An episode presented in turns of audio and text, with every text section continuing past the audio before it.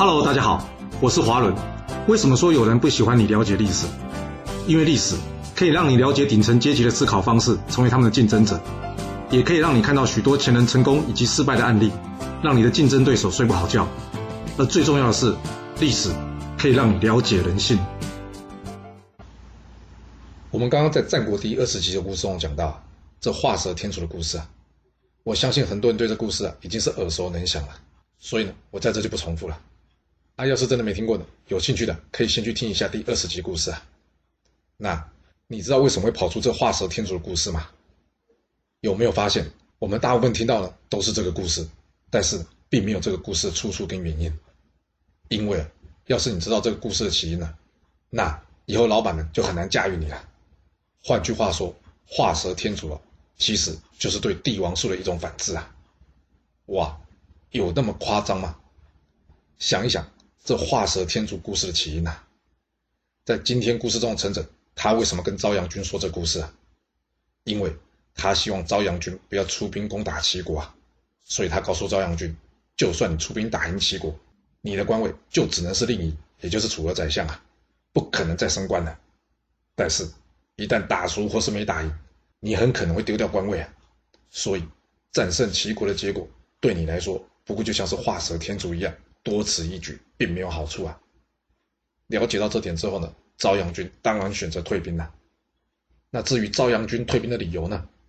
历史没说，那就得靠朝阳军自己补脑了。他能怎么补脑呢？那当然是虚伪造假、欺上瞒下了。那请问这种事能教你吗？能教员工吗？当然不能啊！所以这故事呢，永远只有故事，不会告诉你出处啊！别误会，我在这不是要教你虚伪造假、欺上瞒下，因为说谎绝对不是好事。更糟糕的是啊，因为说谎得到好处啊，那会强化你说谎动机。我想要告诉大家的是啊，做事之前先仔细考虑后果。赢不一定是好的，所以不用事事争先，处处想赢啊！只有在这个赢能带给你有帮助的前提下，这个赢才是你值得去争取的。又或是说，你得持续创造自己可以处在赢的状态。我之前合作厂商在业绩上让我感觉呢，他一直在打安全牌。或许他认为啊，这样他跟我们生意就可以长长久久的。因为啊，要是他一下子把业绩做得很高，我们公司一定会提高他的目标。那到时候他会又累又赚不到钱了。会有这样的想法并没有错。有很多业务人员也会在公司打安全牌，但是压住业绩真的是安全牌吗？就像今天故事中的朝阳君啊，他不攻打齐国，真的就是安全牌吗？有没有可能齐国反过来攻打楚国呢？那请问他要不要出去应战呢？所以是否攻齐，恐怕不是仅仅用眼前的单一状况来判断啊，还得综合考量之后的情势变化。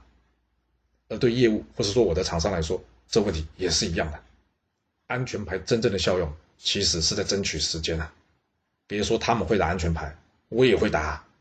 但是我打安全牌的目的，是为了赶紧找出下一笔生意的来源，又或是说，在这时间空隙中充实自己，寻找更有利的环境或是机会啊！不然，这张安全牌很可能就变成谁搬走我的乳酪一书中啊，那逐渐被搬光的乳酪啊！发现这一大块的乳酪，不但没有为我们创造机会，反而麻痹了我们应变环境的能力啊！想要反制帝王术，最好的方式就是自己成为帝王啊！那别误会啊，这里并不是要每个人都成为王或是当老板的，而是你必须使用老板的思考逻辑方式啊，来应对老板的。立功是件好事，但是功高不可以正主啊！